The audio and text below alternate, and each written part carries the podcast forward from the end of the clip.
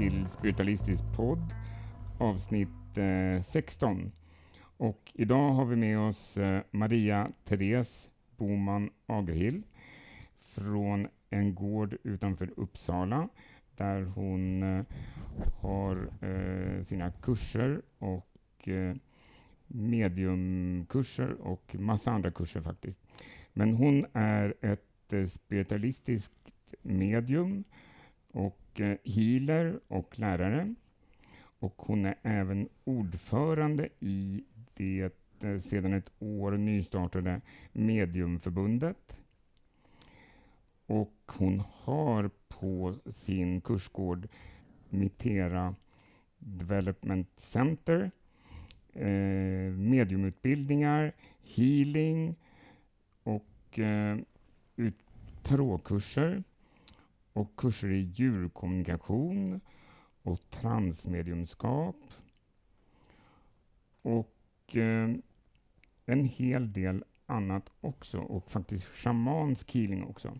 Och allt det här ska vi prata om idag. Det är jättemycket spännande saker. Så välkommen Marie, Maria Therese Agerhild Boman. Tack så mycket. Boman Agerhild. Boman Agerhild, precis. Trevligt att vara här. Tack.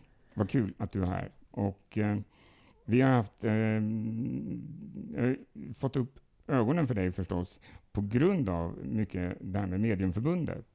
Okej. Okay. Ja. Nej, men det, du håller ju till lite utanför Uppsala och sådär. Och, eh, du har hittills inte varit på Stockholms spiritualistiska förening, som jag vet, i alla fall inte och hållit storseans. Nej, det har jag inte. Eller kurser. Nej, precis. Så att, eh, men ordförande i Mediumförbundet. Ja. Eh, kan vi inte prata lite om förbundet till att Det tycker jag absolut vi ska göra. Eh, det var ju jag och Camilla Elving som började prata om förbundet för det är två år sedan nu. Men så lanserades ju för ett år sedan, den 5 oktober. Mm. Då var jag med. Då var du med. På ja, lanseringen, online-lanseringen. Och det har ju gjorts många försök i Sverige att starta ett medieförbund och jag har faktiskt varit med lite innan också. Eh, men det har inte riktigt blivit av. Eh, men nu äntligen så har det fungerat superbra. Ja, det var ju många av de som har försökt starta innan var ju var lite negativa. Så att de skulle, men ni har, ni har ändå hållit ut bra stund fortfarande. Så att, ja, jag tycker absolut. också att det verkar som ni har liksom eh, ni låter, tillåter det mycket om man säger så. Det är inte Ja, det är lätt att alla går in och petar sen. För det, så, så att ni har ett förlåtande ja. recept, för, tycker jag att det verkar som. Ja. Och det kanske är idén också. Ja, precis det är idén. Att eh, andlighet är för alla och att vi är till för alla som är andligt intresserade. Mm. Och jag vet eh, förut, när jag gjort vissa försök, så har det nog varit lite snävt kanske. Ja, jag tror att det har varit snävt. Så, ja. och, så, och sen eh, ibland när det blir snävt så blir det snävare om man ja. säger så för att det, ni gör inte så, ni gör inte så. Det hör man ju, hört man här som då Stockholms spiritualistiska förening. Det var ju liksom tarotkort, det var ju liksom totalförbjudet för 20 år sedan ungefär va? Ja. Men det har ju letat upp sig. Men alltså, förstår du? Det, det är som vår podd, det handlar lite om att vi måste titta på allt och, och se och prata om det, för det handlar ju ändå om samma saker. Precis, mm. det, så tycker jag också. Absolut. Mm. Men den här målsättningen med förbundet. Eh, jag är ju medlem, mm. eh, en av de första, tror jag. Ja. Eh, så att, eh, men eh, ja, målsättningen med förbundet, det, eh, det, är en fin, det är väldigt fina tankar som ligger ja, till grund precis. för det. Alltså, det jag brann för mest från början, det är ju det här etiska riktlinjerna som vi har. Mm. Så jag tycker det är så viktigt att vi som utövar andlighet tar ansvar. Så, så det, det är ju en bra målsättning. Men sen så är vi också, vi vill ju eh, få en att allmänheten ska få en bättre syn helt enkelt på mediumskap och healing och andlighet. Och, eh, vi vill ta fram forskning. Um, det är mycket vi vill göra. vi har mm. många mål. Så det finns ju på vår hemsida mediumförbundet.se eh, olika våra mål och vision. Mm. Och eh, styrelsen, är alla medium eller vad har ni för Nej, inriktningar? Eh, det är vi inte. Nu måste jag tänka efter här. De flesta är väl, i styrelsen är väl faktiskt medium. Uh, Örjan är ju medium under utbildning, men han håller på med NLP framför allt. Uh, och, uh, men sen har vi också ett, en styrelseledamot som arbetar som häxa. Så att nej men vi är breda, tycker jag, i styrelsen också. För Örjan, MLT? MLP. MLP, vad är det för något? Eh, ja, du. ja, men, om det kan förkortningen kanske. NLP, Nej, jag, jag Neuro Linguistic Programming. Ja, det är det säkert. Ja, ja, ja, ja men det, visste, det, det, visste, det, låter jättebra, Micke. Ja, men Micke han hade, han har finess ja, jag på det där. Bra, vad jag på det där. Men det är en mm. typ av, av healing, kan jag tänka mig. Okej. Okay. Ja, mm. Jag förstått. Jo. Mm. Eh, jag vet inte så mycket om det heller. Nej. Nej, nej, men nu har vi ett namn på det i varje fall. ja, mm. precis.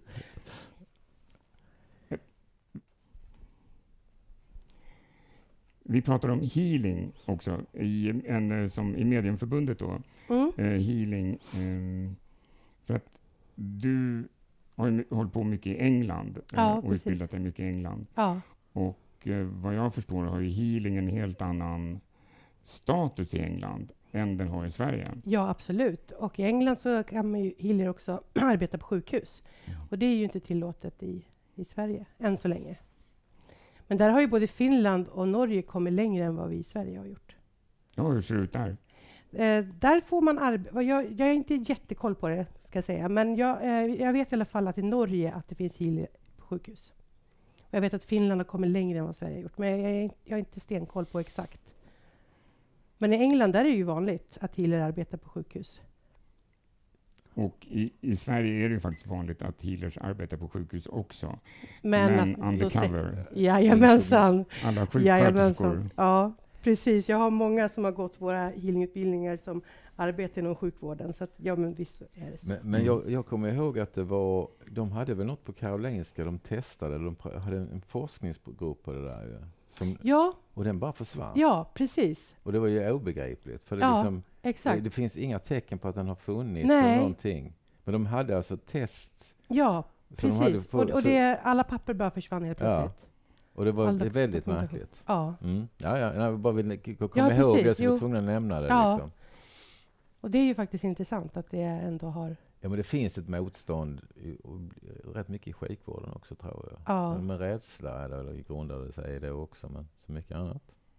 Ja, Visst är det så. Mm. Nej, men just i den, kan man ju tycka, palliativa vården, där skulle det kunna vara en, eh, en viktig sak. Att man mm. Absolut, absolut. Och jag tror att många som arbetar där verkligen, alltså, både medvetet och omedvetet sysslar med healing lite. Så, absolut. Alltså, det är jag övertygad om. Ja, det är också. För jag, om inte annat så smärtlindring. Mm. Och ångestdämpning. Och, exakt. Alla mm. de känslomässiga bitarna också. Mm. Mm. Mm. Det är viktigt. Mm. Ja, det är viktigt. Och övergången eh, till ett annat liv, döden, alltså det är ju inte lätt för de flesta. Och den är ju ofta väldigt påtaglig inom äldrevården och den palliativa vården. Så. Ja, absolut. Ja, men det är ju som att visa empati, är en form av, det är ju en form av healing det också. Så, så, ja, så, och jag tror att det är mycket att vi healar eh, omedvetet. Ja. Alltså bara eh, önskan, känslan att man vill hjälpa, man vill liksom mm. förmedla en kärlek. Ja, precis. Så, så, så, så, man bara känner automatiskt, man bara vill lägga en hand på den ja. som ligger där. Och, och så Exakt. Man bara gör det liksom. Så, så har jag gjort innan jag var medveten om det här, men jag har tänkt på att jag har gjort så. Va? Så det, det, är fascinerande. Men så samtidigt, det är bra att ha kunskap om det, så man kan använda det på rätt sätt. Precis. När vi ändå är inne på healing så tänkte jag, eftersom vi håller ju på här på föreningen och har healingkvällar och mm. uh, spiritualistisk healing. Mm. Men du håller också på med shamanistisk healing. Ja, precis. Och vad är det och vad är det för skillnad? Ja, men, ja, det är egentligen ganska stor skillnad. När jag arbetar med vibrationsterapi, brukar vi kalla det för, shamanistisk healing, den healingmetod som jag håller på med, det är alltså att vi arbetar med trumman som eh, i klientens aura, aurafält. Och trumman låter faktiskt annorlunda. Den berättar var någonstans det finns blockeringar, var någonstans det behövs mer energi. Så man, det är en, en, speciell ritual, kan man säga, procedur på ungefär en halvtimme som man arbetar med trumman på olika sätt då, i klientens aura som klienten ligger på, på en brits, alltså massagebänk. Det är väl, ja, man trummar helt enkelt. Så ja. trummar över? Ja, över och ibland under och ja. sidan och lite ja, okay. sådär. Mm. Mm. mm.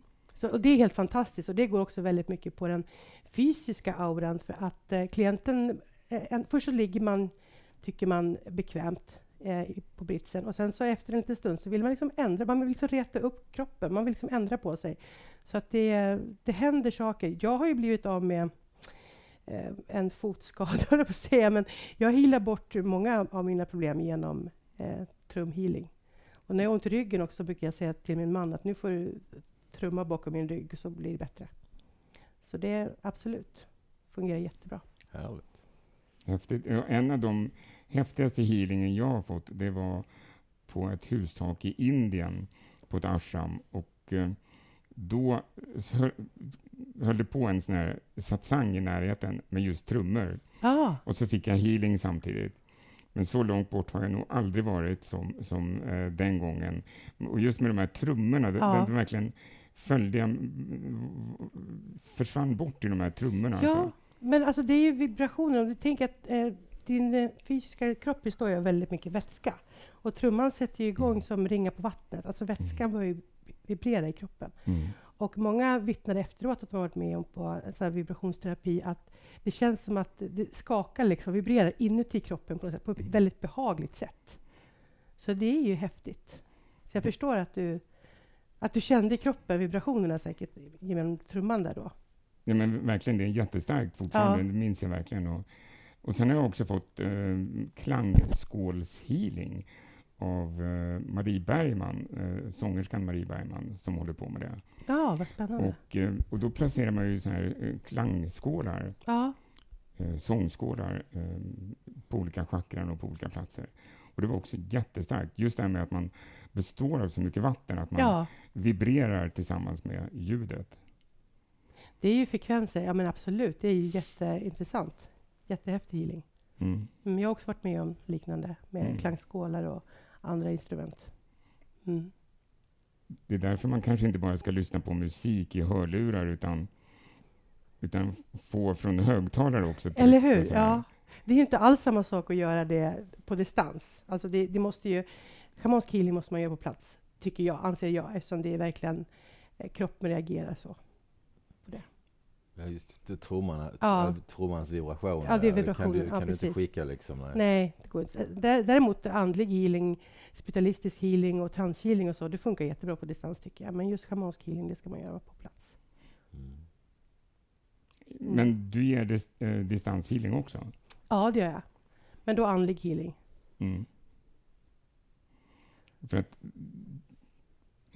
det är ju, det är ju liksom, jag gör det också, men det är ju liksom en sån där sak som kanske många har svårt med. Att man tänker, vad då på distans? Och eh, just att healing är ju någonting som är ganska eteriskt, så att mm. säga. Det är ju, och det blir ännu mer eteriskt när man är på distans. ja, säga. det kan bli mycket kraftfullare. Och det har vi också testat på våra healingutbildningar. Att vi har, först så arbetar vi med klienter på Brits med, som, med healing och sen så får klienterna gå och lägga sig i sovrum. Vi har ju kursgård med, med sängplatser och så. Och så arbetar eh, eh healingmediumet då med eh, föreställer sig klienten på britsen. Så att man skickar distanshealing så till klienten. Mm. Och, och, det blir ännu starkare. Man känner exakt var någonstans healingen i kvinnan kommit. Som nu, jag kände att det var mycket med min högra fot eller jag kände att mitt hjärtchakra... Ja, så. Mm, så det är verkligen påtagligt. Mm. Så visst fungerar det på distans. Absolut. Man måste testa om man inte tror på det. Mm. Mm. Mm.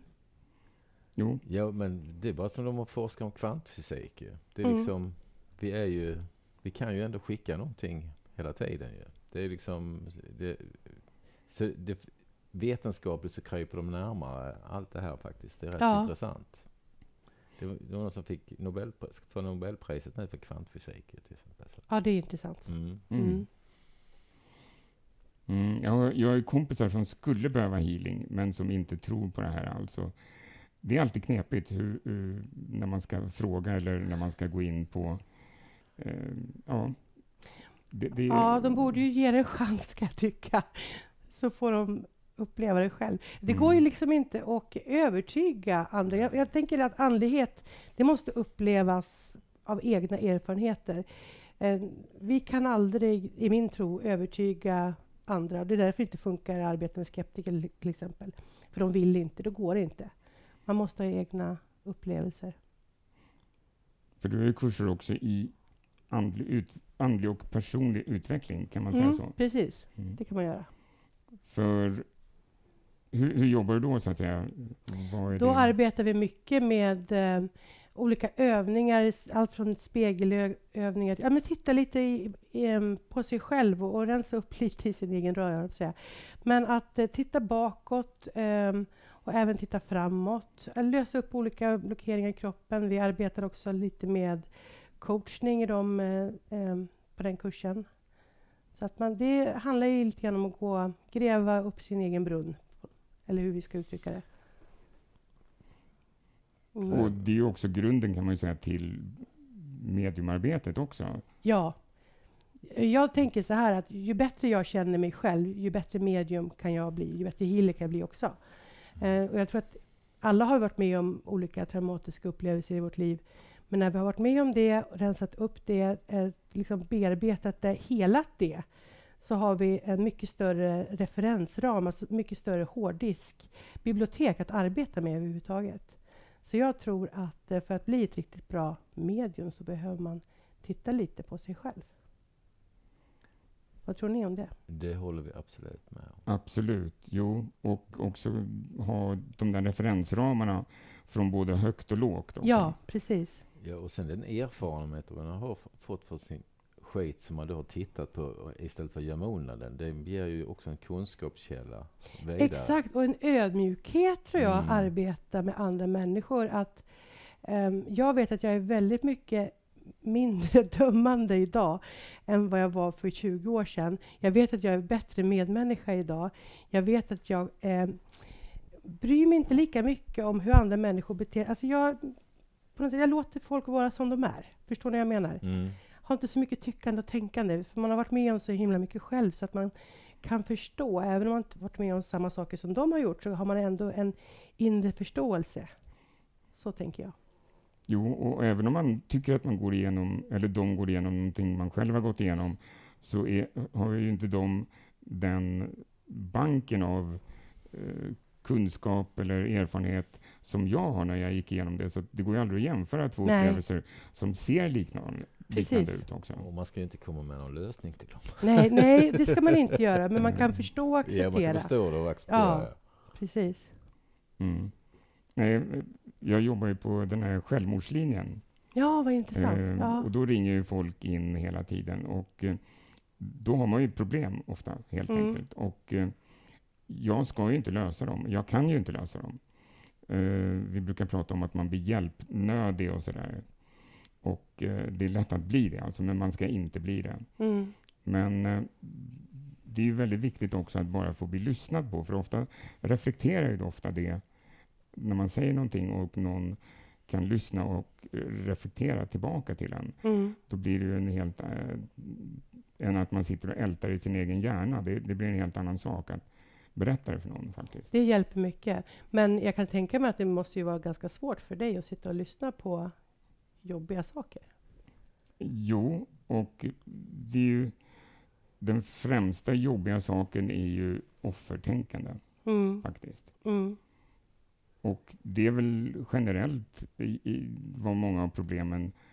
Vi har just gått igenom en valrörelse där mycket handlar om offertänkande, tycker jag. Mm och, och hur hemskt allting är. Så att, mm. Och man skyller på någon annan. Så att, och det är precis de problemen som, som folk serverar där också. Mm. Faktiskt. Mm. Men det går inte att förändra, utan det går ju, men det går att spegla. Ändå. Exakt. Mm. Ja. Och individen måste ju komma underfund om det själv.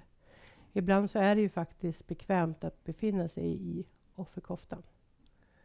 Jo, och sen blir det väl så att man inte alltså man förstår inte man förstår inte hur man ska lösa det. Men man, som jag berättade innan om min vattenrädsla. så var det så, jag visste ju om det hela tiden. Men det tog mm. ju liksom tio år innan jag förstod det själv. Nu var jag barn, men alltså, hade jag inte vetat, fått det berättat så hade jag ju aldrig... Det har fortfarande varit vattenrädd ju. Mm. Så någonstans, även fast det blev påtalat hela tiden, så tog det ändå en tid för mig att förstå det. Och när du förstod det så tog du ju personligt ansvar över det. Ja, just, det, ja. Det, ja, det gjorde jag. Men alltså, det, och det kan ju, tänk dig någon som har haft det sedan 30 år tillbaks mm. och går, liksom, de har låst in det med. De vet inte. Man ristar in det lite i sten nästan. Ja, precis. Man vet inte vad man ska göra. Så det är liksom den, den där öppningen ligger ibland långt borta. Mm. Men som sagt, personlig utveckling är ju himla viktigt. Men... Ja, enormt viktigt. Mm. Och roligt också, tycker jag. När man väl börjar... Man, man tänker gud vad svårt det kommer vara, eller vad jobbigt. Men när man väl har gjort det, vad skönt, vad befriande mm. det är att eh, lösa upp vissa knutar liksom, och förstå, komma till insikt och ta personligt ansvar. Mm. Um, det tycker jag. Ja, personligt mm. ansvar är nog väldigt viktigt faktiskt. Ja, det, det ingår ju i de sju spiritualistiska principerna som jag arbetar mycket eh, med också. Och du mm. sa på din hemsida eller din blogg, då sa du att det var den du tyckte bäst om. Ja, faktiskt. Ja, det tycker jag. Därför att jag har tagit väldigt mycket personligt ansvar själv, tror jag. Nej, men det, ja, och, och det tycker jag är jätteviktigt. Det är det viktigaste för mig. Det är fler som tycker det. Jag och så Mia Ottosson har också sagt att det är hennes favoriten. favoriten ja, jag tycker ja. det är lite kul. Ja. ja. men jag tror den är den som man tycker betyder mest av ja. de där sju faktiskt. Precis. Alla sju är ju bra. Ja, tycker, absolut. Men, men, men liksom, är, är, det, det, ja, det, är den man liksom lutar sig mer till. Ja. Och sen så de två efterföljande, sexan och, och sjuan där, att eh, um, jag tänker sex är lite karma, att man får, som man sår får man skörda. Ja, och sen evig utveckling öppen för alla. Mm. det sitter ihop på något sätt och blir en helhet, som jag kallar för personligt ansvar. Mm. Vad tror ni om det? Ja, jag håller med om det. Evig utveckling för alla. Mm. Inte de som väljer det, som vi hade någonstans, som jag såg. Ja. Jo, då, blir, då blir det ju några särskiljningar. Mm. Ja, men det är ju positivt att det går att förändra saker själv. Att mm. Även om allt i ens liv, det är liksom, man kan inte, ibland kan man inte förändra vad som händer en. Men man kan ändå Förändra förhåll, förhållningssättet och tankarna och känslorna kring det. Det är precis. så du menar? Ja, precis. Mm. Mm. Ja, men om någon är dum mot en, den, den, eller slår någon, eller att man, man snubblar och gör illa sig, det, men man, just förhållningssättet kan man ju... Det är ju man själv som styr över det. Mm. Precis. Att, um, och attraktionslagen kan vi ju titta på där också. Att hur man förhåller sig till olika situationer i ens liv. Man får ju, jag tror man drar till sig det som man, man attraherar utåt. Mm. Så om man tycker man synd om sig själv, ja då blir det synd om sig själv. Eller hur? Ja, Men om man tar personligt ansvar och liksom, nej, det, jag, ska fixa det här, då blir man hjälpt energimässigt. Det tror jag. Jo, jag kan berätta om min granne som kommer ner och säger jag, jag känner mig så ensam. Ja, men din man är ju hemma. Ja, men kan inte jag få komma in till er? Och sen sitter hon bara där, säger ingenting. Och så kan hon komma ner varje kväll och bara sitter där. Och hon är bara en offerkofta. Och så, det, jag har pratat med henne hur mycket som helst. Det går inte. Liksom. Det går inte att vända någonting. Liksom. Hon är bara ett offer. Hon är inte där ännu. Nej, hon är inte där än. Hon kommer aldrig dit. Nej. Så är det. Alltså, man, det blir så tragiskt någonstans. Va? Mm. Och liksom... Ja, men din man är ju hemma. Ja, men jag, jag känner mig så ensam. Ja, men prata med honom då. Ställ dig framför TVn. Gör någonting. Nej, vet du, jag är bara offer. Mm. Men då behöver hon komma till insikt i det och förändra sin situation. Jo, men det kommer hon alltid göra. Hon är 75 ja. år. Och... Ja, ja, precis. Ja, ja, tiden har gått så långt. Så. Ja, precis. Men det är aldrig för sent. Aldrig Nej, det är aldrig för sent. Det är aldrig för sent. Men jag har ju försökt hjälpa henne, men det går ja. inte. Men det är intressant. Mm. Det är aldrig för sent. Nej, det är aldrig för sent. Men jag känns nästan så. Ja, ja. Mm. Men sen var det en annan spännande sak också. Trans transmediumskap mm. håller du på med. Mm. Och det... Ja, vet du någonting om det, Palle? Har du gjort det någon gång? Nej, jag, det var när vi gick på akademin. Då kom jag in i en sån här trans så att jag, för, alla sa att jag förändrade ansiktet och sånt. Men sen blev mm. jag bara rädd. Okej. Okay. Så jag gick ur liksom. Det handlar ju lite om att släppa kontrollen där. Ja, precis. Men, men det är ju, man kan likna det vid liksom en djupmeditation, att man går in i ett förändrat medvetandetillstånd. Och det finns ju allt mellan lätt trans till djupare trans. Precis. Eh, och eh, där håller jag på med transtal, både när det gäller att man kan ta in anhöriga från den sidan via trans. Det blir väldigt djupare, bättre bevisföring mm. såklart. Um, och även eh, alltså, spiritualistisk filosofi. Vi att ta in guider uh, och förmedla filosofi och, och andliga budskap via trans. Det är fantastiskt. Mm. Men hur djupt går du, är du? Hur medveten är du under en trans? Jag har kontrollbehov. Nej, men jag brukar komma... Jag eh, säger att jag är... Du vet, eh, innan man somnar, precis ögonblicket innan man somnar, så befinner man sig ibland i en typ av dvala, mm. där man kanske hör röster långt borta, men man hör inte vad de säger. Är ni med? Jag är med. Så långt ner kommer jag. Så att jag hör min egen röst. Men så fort jag börjar bry mig om vad jag säger och nyfiken på vad jag säger, mm. då kommer jag upp igen. Så, det, då, då liksom, så att jag pendlar där. Så jag har ju aldrig gått i så djup trans att jag har totalt minnesförlust. Jag kommer inte ihåg vad jag säger kanske, men jag hör min egen röst. Jag är med. Mm. Har du någon som leder dig, i, som sitter bredvid dig i den fysiska världen och leder dig i transen? Nej, men vi arbetar ju oftast med, jag menar, till exempel jag hade ju transcirkel förut, ja men då är det ju cirkelledare, ja, ja precis, det är alltid folk med. Så, det är det ju. Det där med att vara mellan drömmarna, jag måste berätta, det är så sjukt. Jag hade en dröm häromnatten. Jag drömmer inte så ofta. Så cyklar jag i så här moddig snö och sådär. Och så ser jag precis lite plant med en liten pöl där. Tänkte, där kan jag cykla. Och jag åker ju ner, det är en vak, så jag mm. åker ju ner. Och sen steg jag bara upp, alldeles torr och fin. Alltså, jag hamnade aldrig under vatten. Bara tjup, tjup. Och sen vaknade jag. Vad fan, jag har blivit av med min cykel. Var är min cykel? ja, men det där alltså, det, det, alltså, det var jag så... Ja, jag, jag var så, helt på riktigt. Det liksom. var helt på riktigt. Va? Ja. Så då blev jag av med min cykel. och det tar några sekunder innan man inser. Ja, ja precis. Så det inser jag. Ja men fan, det var en dröm. Ja, precis. Ja, det har hänt mig allt för ofta. Ja, men, det, men, det liksom, men efteråt kan man ju bara skratta åt det. Men liksom, det, alltså, jag hade blivit av med min cykel för 10 000 kronor. Jag var alltså ja. lite desperat. Va? I, I tio sekunder. Ja. ja. Ja, ja, när du sa det där med, det var, eh, ja, så tänkte ja, jag på just det, för där var jag med mitt emellan någonstans. Ja, och efter det kom vi ju, naturligtvis efter cykeln där, då kom vi ju sömlöst över på hästar. Ja. Eftersom man rider på dem också. Och då är det ju djurkommunikation som du också håller på med. Och sen din eh, kurs, kursställe finns ju på en islandsgård. Precis, det är min syster Caroline som eh, och hennes, eller min svåger, hennes man Fredrik som eh, driver själva islandsverksamheten.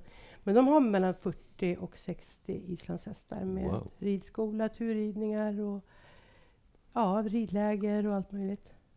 Men så, ja, jag och min man håller på med djurkommunikation och då är det framför allt kanske eh, katter och hundar, men även hästar som vi arbetar med.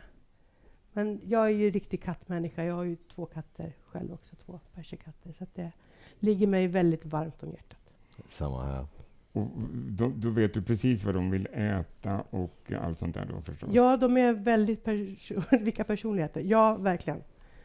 Våra katter är väldigt kommunikativa. Jag tycker de flesta katter är, är kommunikativa, har väldigt stor... Eh, alltså, de är så... Det är verkligen individer. De är så olika. De är liksom dag och natt, verkligen. Ja, det finns, ja, det ingen, finns ingen som är, det finns inga kopior. Liksom. Nej, det, Nej. Jag, jag har också katt. Så du har det? Ja, mm. ja, då vet du vad jag menar. Jag hade en. Ja. Jag hade en katt, men ja. den är i andevärlden nu. Ja, mm. mm. de är speciella. Och hundar också tycker jag är speciella. Alla djur är speciella på sitt sätt. Man har kanske några liksom, djurraser som man ligger närmast mot. Jag är också kattmänniska. Så. Mm. Nu, nu, kommer jag här, nu, men jag måste berätta om min eh, svarta... Jag skulle aldrig ha någon svart långhårig katt. Nu har jag en svart långhårig katt. Men det roliga är när hon kommer hem, hon hör bara mig så bara hoppar hon upp på en byrå och så vill hon bli kammad. Ja. Det kvittar när jag kommer, hur jag kommer. Kommer hon, så ska hon bli kammad. Mm. Och så pratar hon hela tiden. Nej, men de är underbara ja. djur. Ja, charmiga. Mm, verkligen. Vi har en väldigt speciell persikatt, Mio. Han är bara ett år gammal nu, men uh, han är så förtjust i vatten. Det bästa han vet är vatten. Han hoppar Aha. upp och ska dricka ur kranarna. Han har en vattenskål som han häller ut, därför att det, om vattnet har legat bara ett par timmar så är det ofräscht, tycker han. Mm. Så då mm. häller han ut vattnet. Det blir pöl på golvet. Så nu har, faktiskt idag har min man varit och köpt en sån vattenfontän så att han hela tiden får, får färskt vatten. För att det blir ju vattenpöl. ju tänka, får ju vattenskal. Ja, ja, till sist ja.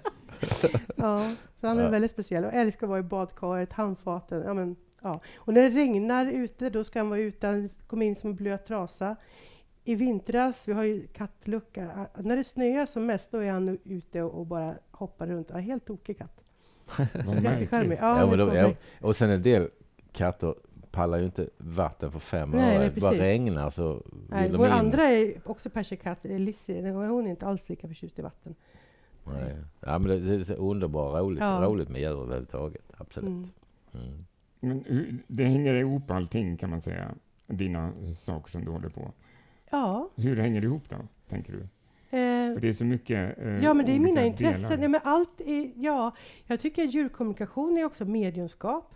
För att eh, arbetar man med eh, djur som lever nu så är det ju telepati, eller man arbetar psychic, som ni känner till. Mm. Och sen så djur i andevärlden så är det ju liksom, arbetar man ju precis som man arbetar med människor i andevärlden. Fast på ett an annorlunda sätt såklart, men ändå. Jag tycker att det tillhör mediumskapet. Var det någonting du bara satte igång med, att du upptäckte att nu pratar jag med min katt, eller, och sen eh, börjar började du vilja lära dig mer om det? Eller hur, hur kom du på djurkommunikationen? Så att säga? Ja, men alltså, om jag ska vara riktigt ärlig så har jag inte varit så mycket av en djurmänniska förut. Utan det var när min syster eh, var tvungen att lämna bort hennes persikatt som då bara var ett år gammal, för hon skulle flytta in till lägenhet. Hon hade bott i villa innan. Så jag tog över hennes persikatt för att jag var så förtjust i just en Moa, hon hette.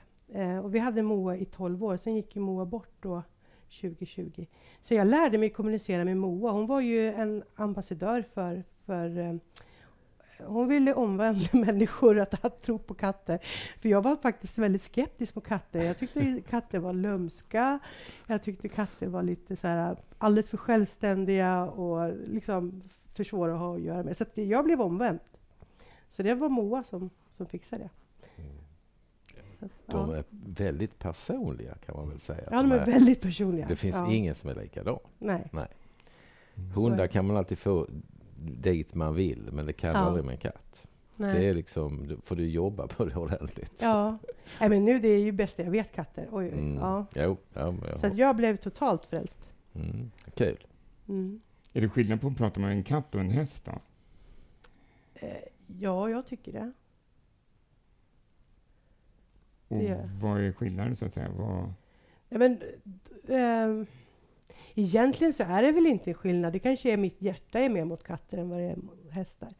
Men hästar kan också vara väldigt personliga och väldigt kommunikativa och äh, starka viljor och också personliga på ett plan. Absolut. Mm. Okay. Vi lämnar djurens sida, tänkte jag. Ja, jag måste en fråga till. Gården, mm. Ni, det, ni har ingen bondgård där alls nu eller? Det, jo då. Det, det har ni också? Ja, ja. Eh, precis. Men det var ju en bondgård från början. När jag var mm. liten så hade vi ju eh, kossor och grisar och höns och allt möjligt. Eh, men det var min farfars faster som tog hand om de djuren. Sen när hon gick bort så drev min pappa lantbruket vidare.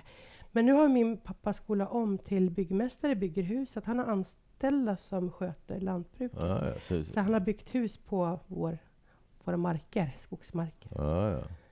Så att, ja. ja, men så det är lite lantbruk också? Ja, så, då, det är det. Ja. Mm. Så det är den här hästgården då som är den här gamla gården? Eh, ja.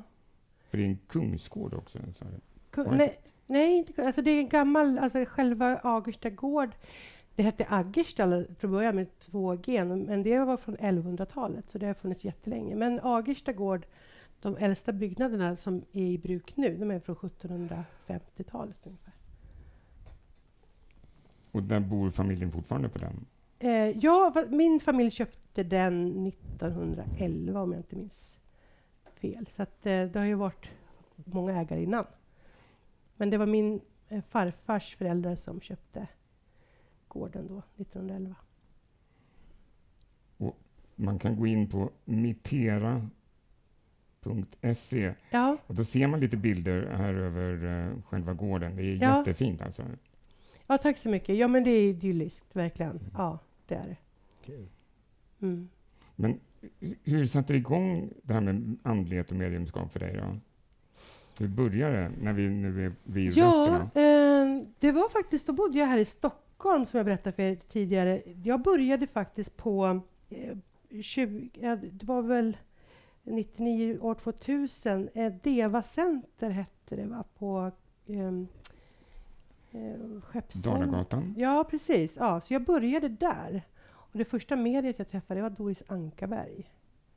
Så att, eh, och det, Thomas Frankell var det som drev det. Då. Eh, ja, sen så blev jag jätteintresserad, så att jag, det vart en rivstart för mig. Så att, eh, 2004 eh, så hade jag redan börjat arbeta som medium. Så att det vart sådär... Eh, jag bara bestämde, det här ska jag göra. Det, jag, det är min livsuppgift. Liksom. Men jag hade börjat läsa andliga böcker redan på slutet av 90-talet, så läste jag väldigt mycket. Och var intresserad av new age och, och ja, men lite allt sånt där. Men just mediumskapet och healingen var väl 2000, början på 2000-talet som jag började mm. med. Jag bestämde mig för att det är det här som är min livsuppgift. Men jag har hela livet varit sökande. Ända sedan jag var, alltså långt jag kan minnas, så har jag trott på andevärlden, känt närvaro, eh, känt människor psychic. De tänker en sak eh, och, och säger någonting annat. Eh, nej, så jag har ju hela livet på något sätt haft det inom mig. Men det är väl ofta som flesta sökare har väl närhet till det. Mm. Så, fast en del låser bort det helt och en del fortsätter. Ja, mm. precis. Mm. Har du varit nyfiken jämt och, och var du väldigt ifrågasättande barn eller var du väldigt snällt barn? Eller vad, hur Nej, blir man jag, när man är som du? Jag var väldigt ifrågasättande. Sen har jag en mamma som, som är väldigt eh, kyrkligt intresserad och hon tyckte ju att jag eh, skulle gå mycket i Svenska kyrkan, men det var inte riktigt min grej. Eh, däremot så hade jag kompisar som var med i Pingstkyrkan och Livets Ord, så där hängde jag, för det var mycket bättre musik där. Ja, men det är ju det. ja. Mm. Men ja. Men de har väl förstått det där med ungdomar också mycket mer? Ja, precis. Ja. Ja, det har ju med musiken att göra. Jag var väl bara 12 år tror jag när jag var med i så musikaler på Pingstkyrkan i Uppsala, för jag tyckte det var så himla roligt. Liksom. Jag tyckte om musik och, ja men det, ja, mycket där. Mm. Nej, men så jag har varit väldigt sökande hela mitt liv. För de har väl mycket mer av healingen också, inom de kyrkorna? Ja, så är det ju. Att, men jag är ju faktiskt dövt både i Pingstkyrkan och i Livets Ord. Men det var under mina tonårsdagar. Jo. Ja, men det kan man tillräkna sök, sökandet. Ja, ja precis. Ja, precis. Och det kommer jag ihåg i Livets Ord så hade vi ju, eller de, eh, ska säga, eh, man tog med sig olika tyger, kläder och näsdukar och så, så man, de gav välsignelse och healing till det där, så kunde man gå och lägga det i, eller de som man tyckte behövde healing då, liksom kunde stoppa in en näsduk i deras fickor. Eller så, ja. så att de fick. Alltså och, hemligt då? Ja, ja. Mm, mm. Så det, det gjorde jag. Mm. Och då var jag väl bara 13-14 år. Mm. mm. Mm. Vad som funkar är, ja. är bra. Ja, precis. Mm. Ja. För, för, för, man blir påverkad sådär under den åldern. Alltså, mm. ja, alltså under 18, omyndigt, alltså man är ja. omyndiga och så liksom. Jag hade ju kompisar som var med, så de drog ju med mig. Ja, alltså, ja precis. Ja. Men alltså att de inte... Ja. Vi kan ju inte ta, vi kan ju inte ta och göra healing på någon som är... Nej, nej. precis. Jag tar ju inte emot eh, kunder helst under 18. Nej, precis. Eh, så gör man inte nej. heller. Så att eh, det, det är ju etik på något sätt. Ja. ja jag bara tänkte, Men det är lite så, annorlunda kyrkorna kanske? Ja, det är kanske annorlunda kyrkorna. Ja, okej. Okay. Mm. Mm. Mm. Och för tio år sedan kom ju den här, din bok ut. Mm. Eh, Väck din mediala sida. Precis. Eh, på ICA Bokförlag. Ja. ja. Och eh, jag lyssnar på ungefär halva nu. I, den finns på Storytel också. Ja, precis. Det var jätteroligt. Den, nu har den kommit ut, det var inte alls för länge sedan, det var bara någon månad sedan som den kom ut som ljudbok. Och då Aha. andra upplagan som jag har, eh, det är flera nya kapitel i andra upplagan. Så att jag har lagt till och dragit ifrån lite. Så att det är en annan bok nästan. Ah, okay. Än den som var i, i Det visste inte jag, så då ska jag lyssna på den Ja, men också. det tycker jag du ska göra. Mm. Och det finns som e-bok också. Men den är ju slutsåld som eh, eh, riktig fysisk bok, så den går inte att få tag på. Men det är inte samma bok heller? Det är, ja, det, det är samma bok. Alltså det, det har hänt en del med dig på tio år. Det har hänt mycket sen, ja. Mm. Det har det. Men eh, vissa saker, man, tiden går ju. Jag skrev ju den där boken, även fast den inte kom ut förrän 2012, 2011, 2012. Va? Så hade jag i stort sett skrivit klart den 2008. Det tog ett tag innan den kom ut. Och jag menar, det som jag tyckte 2008, det är ju, det, jag håller inte med mig själv helt, helt fullt ut om att man, man utvecklas ju vidare. Så jag har ju formulerat om en hel del i boken. Ja, man förändras så därför, det, ja, precis, det, det, är samma grundstomme, eh, samma kapitel. Det är inget som har dragits ifrån så, snarare att jag har omformulerat mig. Men också att jag har tagit dit flera kapitel om spiritualismen till exempel, som inte var med från början, som jag har lagt till. Ja, det skulle vi skjutsingen annars om man inte förändras. Nej, precis. Mm. Så är det ju. Mm. Ja, men visst, Livet är ju under förändring. Man blir aldrig fullärd, tror jag. Nej. Nej, och sen utvecklas man hela tiden. Om, mm. man, om man tittar tillbaka vad man sa för tio år sedan så kanske man inte håller med sig själv då. Alltså. Nej. Det är ju personlig utveckling det med. Mm. Precis. Om tio år lyssnar vi på den här bloggen och så kommer, äh, podden och så kommer det man undrar vad man håller på med. Ja, precis. Ja. ja men då, får vi ha en, då får vi ha en podd om det. Men, ja. det, men det är ganska roligt att då skriva en bok eller göra en podd eller någonting som gör ett uh, avtryck. Liksom, mm. att, eller skriva en dagbok. Ja. Uh, jag har också gått tillbaka i gamla dagböcker och sånt där som jag skrev när jag var yngre. Och, ja, Vad intressant. Det är ju inte så. Uh, alltså det mesta var ju dåligt bara. Ja. Men några har jag kvar. Ja. Men de flesta var ju... Jag har läst alla och så har jag kastat det mesta. Liksom.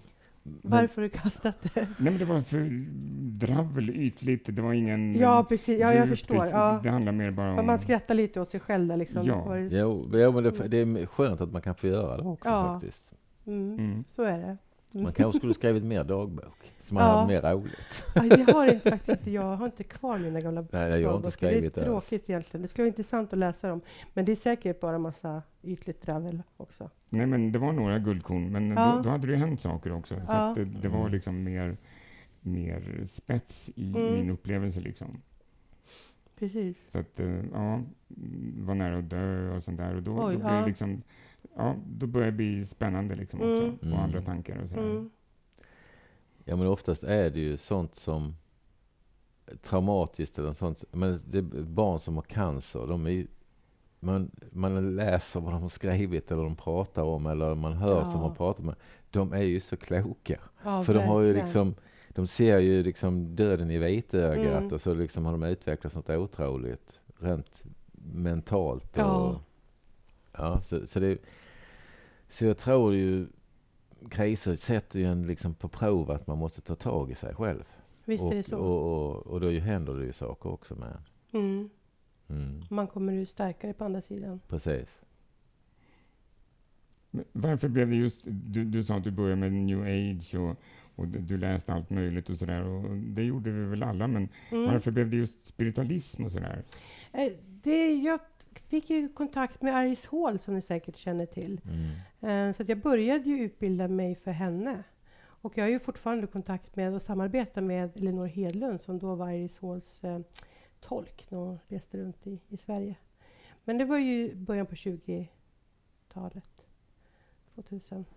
Um, så det, det, var väl då jag kom in på det. Och sen så, så, såklart när jag um, hamnade på Arthur Finley College, och där var jag ju verkligen eh, tagen.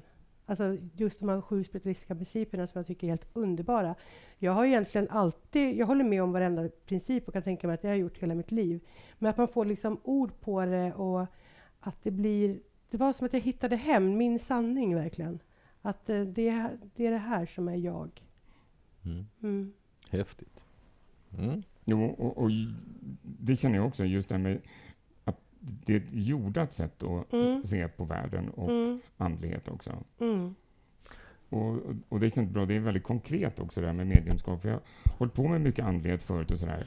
Men det här är det första som jag känner att det är mer konkret.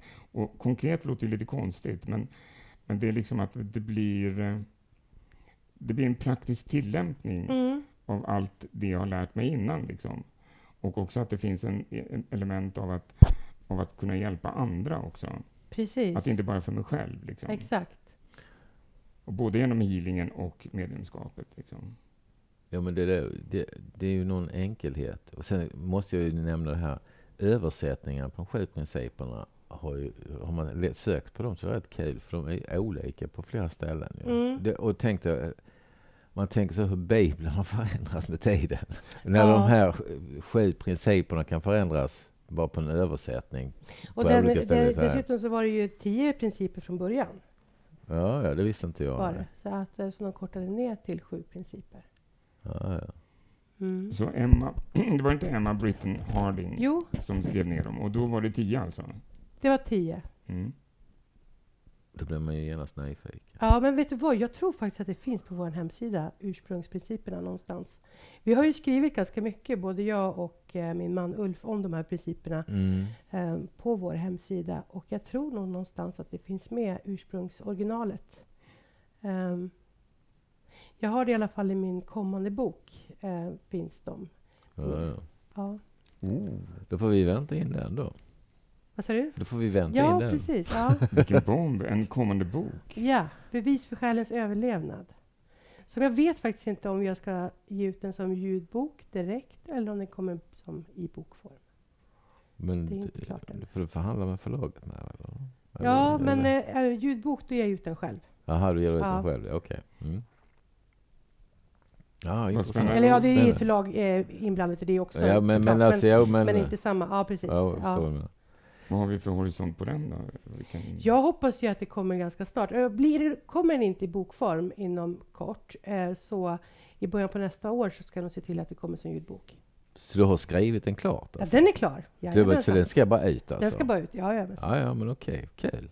Ja. Så det, det är färdigt. Spännande. Ja. Du kanske kan ha en uh, release här också? Då? Ja, precis. Absolut. Det skulle vara jätteintressant. och prata om den och ja, uh, allt möjligt. Absolut. Ja. Mm. Ja, det kan vi ordna så att du kommer hit och ja. gör en release. Ja, här. ja men vad kul. Mm. Nej, men jättegärna. Absolut. Kul. Det är inte den första boken vi har en release för här, så att det, Nej. det brukar bli okay. bra. Ja, härligt. Men är det du och din man Ulf som skriver den tillsammans? Eller är det, det är jag själv? som har skrivit den eh, mest. Sen så är ju min man har skrivit vissa kapitel. Han är ju väldigt duktig på andlig filosofi och sådana saker. Så att han har eh, hjälpt till med en hel del. Och sen så är han ju duktigare på svenska språket än vad jag är. Han har ju arbetat som journalist. Så han, är ah, lite, ja. eh, han har hjälpt mig att redigera boken. så, mm. ah. Jo, det är inte lätt att få ihop en hel bok. Det Nej. Ju... Nej, precis. Och få det förståeligt. Och jag har ja. kämpat ett tag med olika saker. Ja, man kan säga att vi har hjälpts åt, men grundstommen är det väl jag som står för. Ja. Mm. Och jag tänkte, din, ditt företag heter Mitera. Mm. Du måste förklara, för det, det är ju Eh, om man bara tänker efter så här, hör då är det obegripligt namn. Ja, alltså det är en förkortning på Maria Therese Agerhill, Mittera. Och det är faktiskt eh, för eh, 22 år sedan så bodde jag i en nöjesvilla här i, i Stockholm. Eh, kortvarigt. Men då var det en, en eh, kille från den här nöjesvillan som tyckte att mitt namn, Maria Therese Agerhill, var alldeles för långt. Så det var han som döpte mig till Mittera. Och sen så startade jag mitt företag så fick det heta förkortning Mittera. Alltså mm. Maria Therese Agerhill. Och Metera betyder ju också, det är ju en persisk solgudinna som står för kärlek. Att, och det fick jag reda på senare, så det tycker jag låter väldigt... Det var ju ja, fantastiskt. Det, ja, det är jättefint. Mm. Mm. Verkligen. Men det är bra. Det, enda, det, det, som kommer upp är ju du när man googlar på det. Eller? Ja, precis. Mm. Ingen solgudinna. Nej, nej, nej, nej faktiskt. Inte i början. Men, men, då, men solgudinnan är utan H. Det är Mitra bara. Så man... Eh, jag tror att det är så i alla fall. Mm. Men det är mm. ändå bra. Ja, det är bra. Nej, men jag förstår att du också är intresserad av spiritualistisk historia, för jag såg att du hade alla eh, väldigt många pionjärer mm. listade. Ja, och det tycker jag var så härligt när jag var på Arte Findlay, att man mm. pratade mycket om pionjärerna, mm. särskilt på jag vet inte varför man gjorde det på våren precis, där runt påsk. Man pratar om dem där hela tiden. Eh, Artificial College är mitt andra hem, brukar jag säga. Men jag har varit där jättemånga gånger och det, det kommer ju alltid de här pionjärerna upp. Det är liksom... Sen så har jag gjort de här SNU-studierna också, där jag eh, och även är handledare. Och det är, in, det är väldigt mycket pionjärer där som det innehåller. Så det är intressant att titta bakom historien, vad som har varit förut. Mm. Finns det sparade seanser? Har du läst sånt eller sådär från, från tidigare? För att jag tror att man transkriberade seanser här förr i världen. Ja, jag tror det också. Jag har hört det, men jag har inte sett det. Men jag tror jag har hört det. Jag vet faktiskt, eftersom jag är inriktad den engelska skolan så det är ju de som jag har lärt mig mest om, de engelska och amerikanska pionjärerna eh, enligt SNU. Då. Så att jag, det här svenska är jag inte riktigt lika inriktad på eller kunnig inom tyvärr, eh, vilket jag kanske borde studera lite mer såklart. För det såg ju väldigt annorlunda ut förr i världen. Ja, det gjorde ju det, ver verkligen. Mm. Ja, men bland annat hade din första var ju Abraham Lincoln, mm. den som stod först då. Mm. Eh, det är ju spännande. Ja, absolut. En amerikansk president som var spiritualist ja, på början av och som fick Ja, precis. Och som fick väldigt mycket eh, mediala budskap från eh, medium. Han var väl frimurare också? Ja, precis. Mm. Mm. Ja, nej, men jag tycker det är jätteintressant med de här pionjärerna därför att man lär sig väldigt mycket. Och eh, 1800-talet, det var ju väldigt mycket forskning då också. Skeptiker som blev om, omvända genom att de forskade bland annat eh, Leonora, Leonora Piper, heter hon, eh, ett amerikanskt medium som blev utsatt för både det ena och det andra. Så tänker jag också Leslie Flint som också blev utsatt för både det ena och det andra, eller fysisk mediumskap, mm. som det forskades mycket kring. Så det där går ju, det går ju att läsa. Det finns mycket. Och sen upp hos dig, som, de är ju inte pionjärer, men de är i alla fall eh, jag vet att du har Mia Ottosson hos dig ibland. Ja. Och Vendela eh, och Camilla ja. eh, Elving också. Precis, jag samarbetar ju med eh, dem allihopa. Jag och Mia och min man Ulf har ju haft eh, kurser tillsammans och kommer ha det igen. Eh, och jag och Camilla håller ju kurser tillsammans också. Vendela var hos oss senast var det förra veckan och höll seans. Hon kommer en gång om året. Sen samarbetar jag också med Elinor Hedlund, spiritualistisk medium, som då arbetade med Arisor för 20 år sedan. Så jag tycker det är jätteviktigt att och, eh, samarbeta med andra spiritualistiska medium, såklart. Mm. Jo, precis. För man säger ja. ofta att det är väldigt ensamt att vara medium. Säger, säger ja. Jag har inte riktigt upplevt det än, men, men eh, det är ju bra att, att sträcka sig ut. ja, jag tycker ha, det är jätteviktigt. Precis. Vi måste samarbeta. Vi ska inte konkurrera mm. eller jämföra oss, utan vi måste lyfta varandra. Och det är också en av eh, Medieförbundets mål, att vi ska liksom, eh, lyfta varandra inom mediumskapet.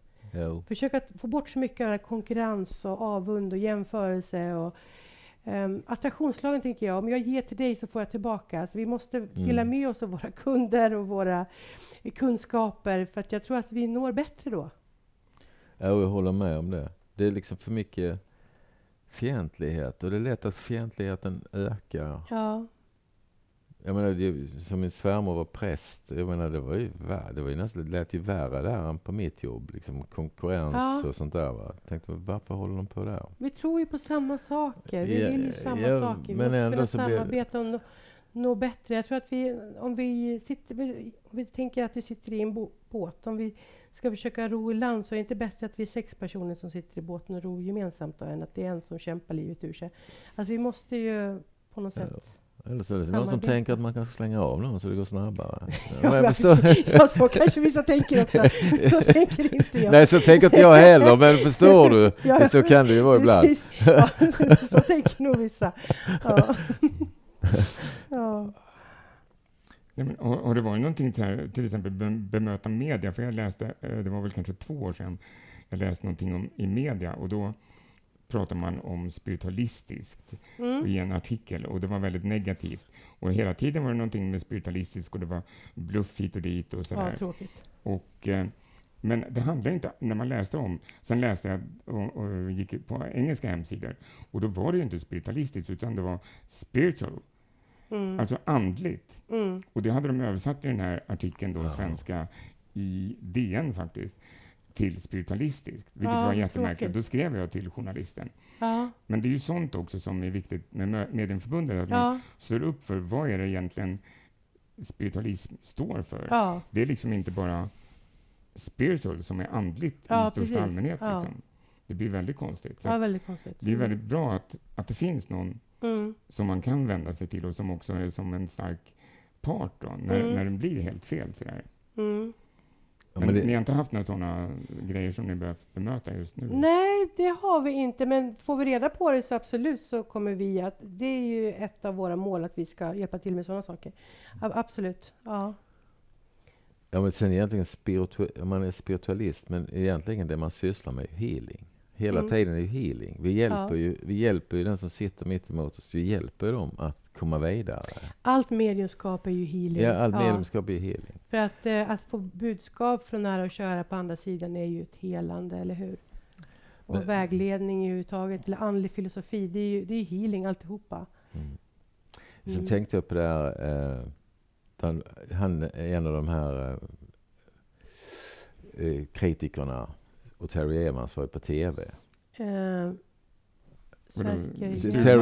Sturmar. Ja, precis. Det heter han nog, ja. ja. Men det som jag blev lite upprörd över, det var att de skulle ha Terry Evans att gå i huset och känna av det.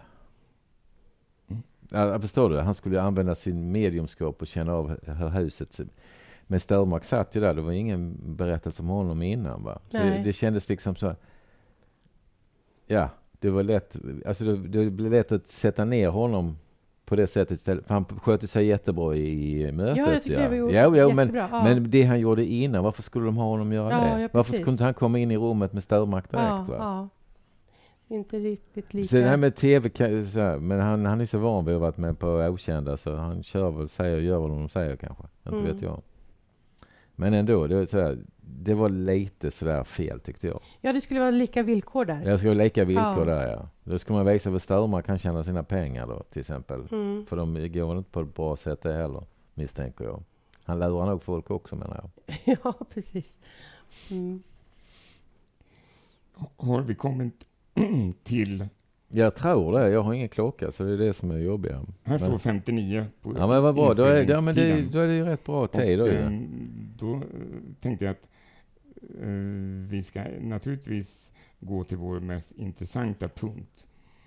Och det är ju biotips. Mm. Filmtips. Nej, den är inte den mest intressanta, men det är i alla fall den sista mm. punkten som är spännande. Och jag vet att du, jag tror att du kanske har en, någon, något biotips med dig. Ja, alltså framförallt det, det jag själv ser väldigt mycket fram emot att se. Det har jag inte sett ännu och det är ju him, Himla Hilma. Precis, det kommer i november va? På Uh, 19 oktober på bio. premiär på bio. Ja, och Precis, och sen kommer det på tv där i november. Precis. Ja, det ser jag verkligen fram emot att se på, den filmen. Jag har ju sett trailer. Jätteintressant, verkligen. Så och det, det är ju väldigt roligt att en svensk ja. gjorde det också. Det var ju att det inte blev någon Hollywood-grej. Liksom. Nej, Lasse Hallström och vilka skådespelerskor det är med. Där, Lena och Lino. Ja, Lena Löjn och hans dotter Tora. Precis, fantastiskt. Mm. Ja, men det ser jag så mycket fram emot. Men för inte så länge sedan så såg ja, vi pratade om djurkommunikation innan, och eh, en film som heter The Dog's Propose. Va? Yes. Har ni sett den filmen? Mm, den har vi pratat om här innan, ja, men den, den, är underbar. Men det är också Lasse Hallström? Det är Lasse Hallström ja, det är det också. Men ja. jag gillar honom. Ja, men han är ju lite åt det ja, hållet, tror jag. Precis, ja. men den är helt underbar. Ja, den är så bra. Alltså, man jag är, grät ju alltså. Ja, det är samma här. Jag ser den många gånger till. Ja, vi har, Jag har den på DVD, så, ja. så jag kan se den flera gånger. Ja. Ja, sen finns den säkert på... Nej, men den är jättefin. Ja. Och det, man blir så rörd. Liksom, den får gå igenom olika liv och sen så då, när den kommer... Ja, man ska inte berätta. Nej, nej, men, berätta. nej, men, nej, men den är, men, jätt, den är jättefin. Och är man djurvän också, andligt intresserad, så den ska den, den går ihop där. Ja. Absolut. Jag, jag har sett en, alltså den är så underbar serie. Detectoris. Detectoris. Metallletare. Jaha. Två män det, det är alltså tre säsonger på uh, Simo. Men det är det som är så fina med den. Det är manlig vänskap. Och sen är det så här, det är vardagsproblem. Förstår du? Det som kan hända en vanlig människa. Mm. Och så går de där och sen har de möten om uh, sina fynd och det kan vara kapsylring eller en tesked eller något sånt där. Och sen dyker de upp det så sitter de och pratar om det. Alltså, ja, men den, ja, men, ja, men den, är så, den, är så, den är så underbart söt, vacker, fin, vardaglig. Du vet, man blir, man blir bara rörd. Mm. Så det är halvtimmesavsnitt. Va? Var får man tag på den? Är det på TV? Simo, Simo, det är engelsk. Det, den kommer säkert på TV. Simo, den är på Simo på TV eller mm. på, eh, vad heter det? Jag, men eh, den är engelsk. Jag tar, kommer nog med den här Britpack nu eller vad det heter som kommer. Men alltså det, den är så... Mm. Jag, jag blev så... Jag, jag, jag såg flera avsnitt på två veckor. Okej, okay, ja, men det ska jag kolla in. Ja. ja. Nej, men det var underbart på det sättet. Mm. Då, har, då har jag någonting helt annat då, eh, och det är en isländsk drama. Eh, det heter Fracture, Fractures frakturer, fractures. Mm. Och eh, det handlar om en liten eh, by i Island och där det händer massa saker. Men det är bland annat eh, någon, en kvinna som, eh, eller ett ungdom som dör och hon kommer tillbaka och liksom pratar med mamman som är medial. Och eh, hon, hon är liksom, har en roll i hela filmen, liksom, att hon kommer tillbaka och sen Eh, så blir det också att eh, den yngsta dottern i familjen också börjar se henne. Så att, eh, ja, det är ganska mycket om mediumskap och ah, hur det kan vara också. Mm -hmm. sådär, att det, det blir, hon, hon, har en roll genom hela filmen ja. i alla fall, den här anden. Och det, det, tar ett tag innan man förstår det och sådär. Ja. Vad spännande. Vad, vad får man tag på den filmen då? Är det också via Simon? Det är SVT Play. Ah, okay. bra. Ja. Det är lätt. Och den, en säsong finns än så länge. Mm. Mm. Fractures, alltså frakturer. Mm. Ja, ja, okay. Frakturer, ja, fractures. Mm. mm. Okay. Och Islands vackert landskap mm. förstås. Ja, fantastiskt. Ja, precis. Storslaget. Ja. Och då börjar vi närma oss slutet och då har vi redan pratat om hur man kan nå dig. Eh, www.mitera.se förstås. Och du finns 11 kilometer utanför Uppsala. Precis. Den här gården. Ja. Och det händer en hel del där. Det händer en hel del där. Ja, det gör det.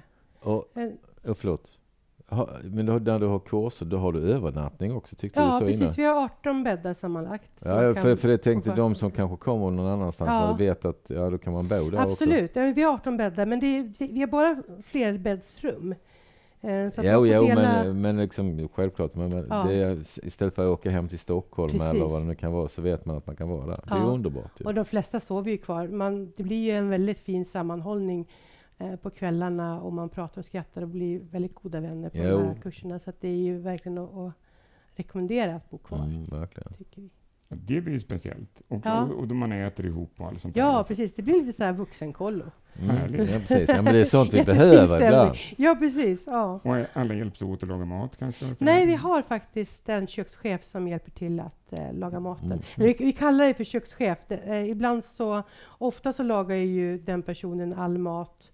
Eh, men sen så vill man att man hjälper till kanske att plocka in sin egen tallrik, disk och sådär. Så att man, man hjälper små, lite smått till i, i köket också då. Mm. Såklart. Ja. Jo, men det är viktigt ja. för sammanhållningen. Att ja, det är också liksom. Och det är ju många som eh, springer och hjälper till och, och hackar lite lök ibland kanske för att det är roligt på rasten också. Just för sammanhållningen. Ja, okej. Okay. Mm. Mm, verkligen. Är vi klara nu då? Ja. Ja, då ska vi mm. tacka dig, Maria Men tack Therese. så jättemycket för att jag fick komma. Det var jättekul. Tack så jättemycket mm. för att du kom. Supertrevligt. Mm. Det var jättetrevligt, absolut. Mm. Tack så mycket. Verkligen, tack.